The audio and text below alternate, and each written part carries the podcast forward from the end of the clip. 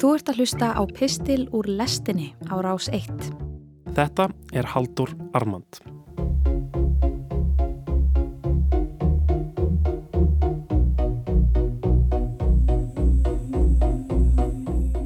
Í rannsóknum Herodótusar, bók frá 440 fyrir Krist, er að finna lýsingar á innreið Persa í Evrópu á þessum tíma, konungum persneska heimsveldisins og ólíkum siðum og háttum hinna ímsu þjóða í Greiklandi, Asju og Norður Afríku til forna. Þýðing Stefáns Sveinssonar að bókinni frá 2013 er þrekvirki og meistaraverk. Þar eru skemmtilegir kaplar um Darius Persakonung á 50 öld fyrir Krist og forvera hans í starfi, Kambises. Kambises kemur ekki vel út úr lýsingum Herodótusar. Hann lýsir því meðlanas hvernig Kambises átti það til að opna fornar grafir og skoða náina. Þá hættist hann að líkneskjum guða og ætti óbóðinn inn í hof sem enginn mátti stíga inn í nema hofgóðinn. Á allan hátt tel ég því ljóst að Kambises var alvarlega veikur á geði, skrifar Herodótus. Annars hefði hann aldrei farið að hæða guðstrú og góða siði. Síðan kemur þessi merkilegi kapli sem hljómar svona í þýðingu Stefáns. Ef lagt væri að mannkynni öllu að velja úr bestu siði myndi hverjum þykja sinnfugl fagur að aðtuguðu máli. Þannig neyjast allar þjóðir til þess að halda sínar vennjur bestar. Því væri sá sannarlega ekki með öllum mjalla sem slíkt gerði að aðhláturs efni. Margar sönnur má færa á að menn beri yfirleitt þennan hug til síða sinna. Engum þetta. Á ríkis árum sínum kallaði Darius til sín Helena sem hjá honum voru og spurði þá fyrir hve mikið fjö þeir myndu taka lík andaðra feðra sinna og gera sér máltíð þar af.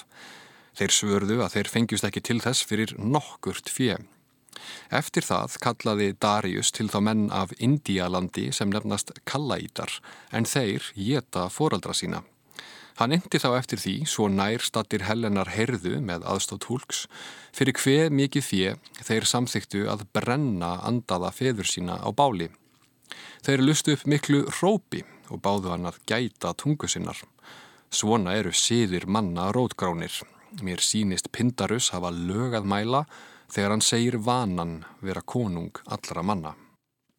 Þetta eru meira en 2500 ára gömul skrif og þau geima mikla visku.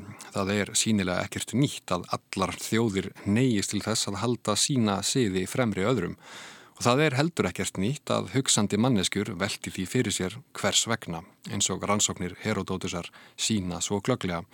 Einn þjóð borðar lík fóraldra sinna, önnur brennir þau á báli eins og gert er í dag. Báðar þjóðir rópa upp yfir sig af nexlan þegar siði hinnar ber á góma. Vegna þess að þótt heimsveldi manna, rísi og nýji, þá er hinn eini sanni konungur okkar allra, vaninn. En ég myndi vilja bæta svolítið við hugsun Herodótusar. Það er ekki bara vaninn sem lætur okkur upphefja okkar eigin siði á kostnað annara, heldur þráum við líka öll einstinni að fá staðfestinga á því að það sé ekkert viti í því hvernig við högum okkur og glýmum við tilveruna. Er ekki COVID-pláan nýjasta dæmið um þetta? Ef markam á fréttaflutning í stóru miðlunum á Íslandi, þá er öll heimsbyggðin hugfangin af því hvernig hér var tekið á veirunni og þráir án þess að vita af því að fá að sitja við fótskur ístendinga í þessum efnum sem öðrum.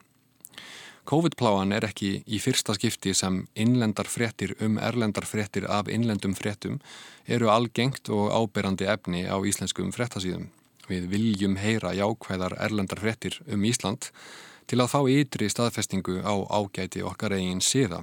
Neikvæðu fréttinnar heyrast eins og verð aldrei vegna þess að við viljum ekki heyra neitt slemt um okkur eða okkar eigin síði. Vitaskuld á þetta ekki bara við á Íslandi eins og Herodótus var búin að fatta 2500 árum áður en lággjálta flugfélög litu dagsins ljós, þá heldur hver einasta þjóð sinn eigin fuggl fagran og vill trúa því að annað fólk sé í rugglinu, svo við slettum aðeins. Það er af þessum sögum sem aður skinnjar til dæmis að það er mikill og ótvíraður vilji fyrir því, viðam um heim, að hlutirnir fari illa hjá vinum okkar svíjum, einfallega vegna þess að þeir ákváðu að fara sínar eigin leiðir í baráttunni við COVID-veruna. Það að gera hlutina eftir sínu eigin höfði er alltaf um leið ákveðin dómur yfir viðteknum síðum annara. Þegar við dæmum aðra er það yfirleitt vegna þess að einst inni erum við ekki viss um okkur sjálf. Ástæða þess að svo margar fréttir hafa byrstað undanförnu í Evrópu um það hversu umdildur sænski sóttvarnar læknirinn sé er ekki bara manngæska og áhyggjur annara Evrópubúa af mannfalli í Svíþjóð.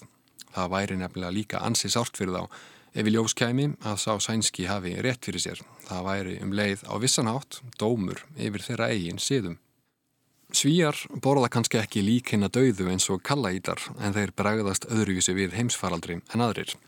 Hvort það var fíldirska eða hugrekki að halda þjóðfélaginu opnu á eftir að koma í ljós og ég hef engar forsendur til að meta það. En eftir því sem ég kemst næst hefur verið mikill stuðningur meðal almenningstæri landi við ákvarðanir stjórnvalda um að lágmarka allar frelsiskerningar. Hér á landi gildir hér þver öfuga. Hér hefur þvertamóti verið mikill stuðningur við hverskins skerðingar á frelsi. Hvað merkir þetta? Ástæða þess að ég hef áhuga á þessu er að ég held að COVID-pláan sé einn af þessum alvarlegu atbyrðum undan tekningin svo að segja sem ofinberar hversu ólíkt fólk er inn við beinið og hversu misjöðum augum það sér heiminn. Þegar allt gengur sinn vanagang, markaðurinn mallar og hjóla aðunulífsins snúast eru fá tækifæri til þess að fletta hulunni af raunverulegu lífsviðþorfi og sannfæringu en þegar allt veri bál og brand koma þessir hlutir í ljós. Fordómar spretta yfirleitt alltaf af þekkingarskorti við fyrirlítum það sem við þekkjum ekki. Þetta er megin rauksemd mín fyrir því að erlendar frettir eigi að vera forsýðefni blada á Íslandi. Lýsingar Heródótusar á síðum, stjórnmálum og árakstrum ólíkra menningarheima í Ford Greiklandi, Vestur Asju og Norður Afríku 500 árum fyrir Krispurð sína þetta svo vel. Einfallega hversu ævintýralega ólík lífsviðþorf manna, trú og síðir eru og það oft innan lítilla svæða. Það væri nóg og undarlegt ef svíjar borðuðu lík en ímyndaði er ef kópáksbúar gerðu það, selfisingar eða siglfyrðingar.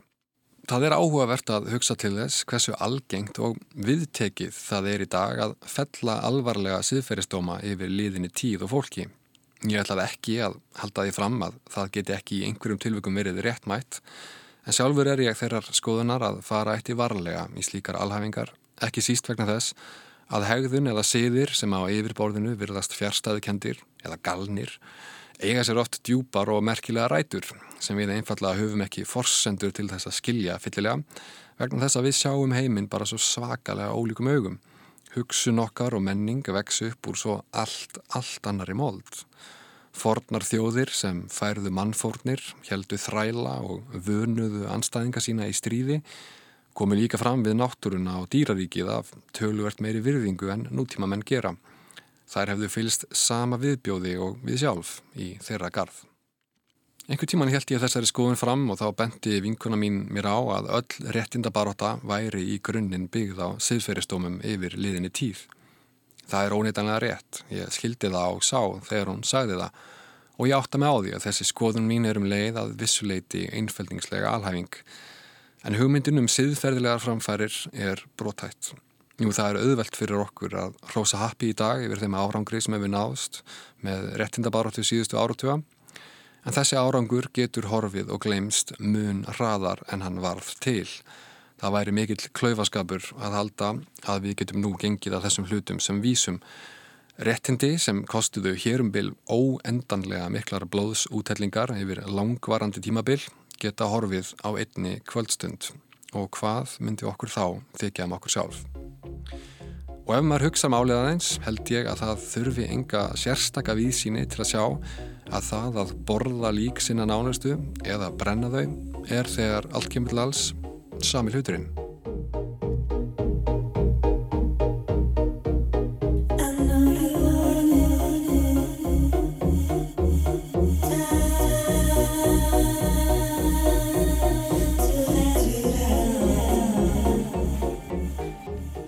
Þú varst að hlusta á Haldur Armand, nýr pistill frá Halduri, hljómar á hverjum þriðu degim í lestinni á Rás 1.